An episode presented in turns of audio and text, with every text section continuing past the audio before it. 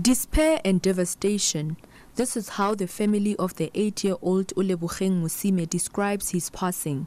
The family is trying to come to terms with the sad loss of their boy, who they say was jolly. He was attacked and killed by a pit bull inside his home garage. Musime's maternal grandmother says they have previously raised concern over the dog with the owner, but their pleas fell on deaf ears. Grandmother Sipiwe Ditabe says the pit bull forced its way through the fence into their yard. I, I don't know what to say really. I'm so hurt. It's a really a loss to us, the family. So se se nka se kopang hela hape gore batho stop telling lies.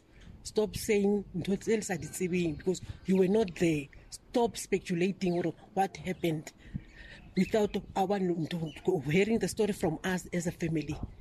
Neighbors are also worried about their safety. Neighbor Nozizwe Manyana described the dog as dangerous. So this is not a good dog.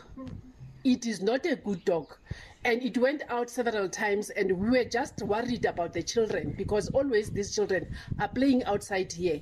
Another child in the same area was allegedly attacked by the same pit bull while walking with his mother.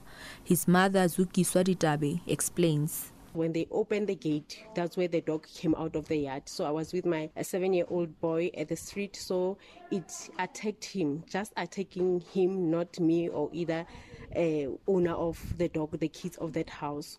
So I tried to fight with it, but it's a dangerous creature, I will say. The Mangaung municipality is now calling for stricter bylaws on dog owners. Deputy Mayor Mapaseka Mutibi Nkwani says the metro is concerned about the increasing number of pit bulls. As the municipality, we are very upset. We are highly concerned of what is happening in our community, especially this vicious dog, which people are keeping them when they know that it, they are not supposed to be among, um, among our people. We are going to enforce our bylaws. The family says they have left the matter to law enforcement authorities as they now arrange for the funeral. Police have opened an inquest and investigations continue. I'm Kamagelo Siekwi in Bloemfontein.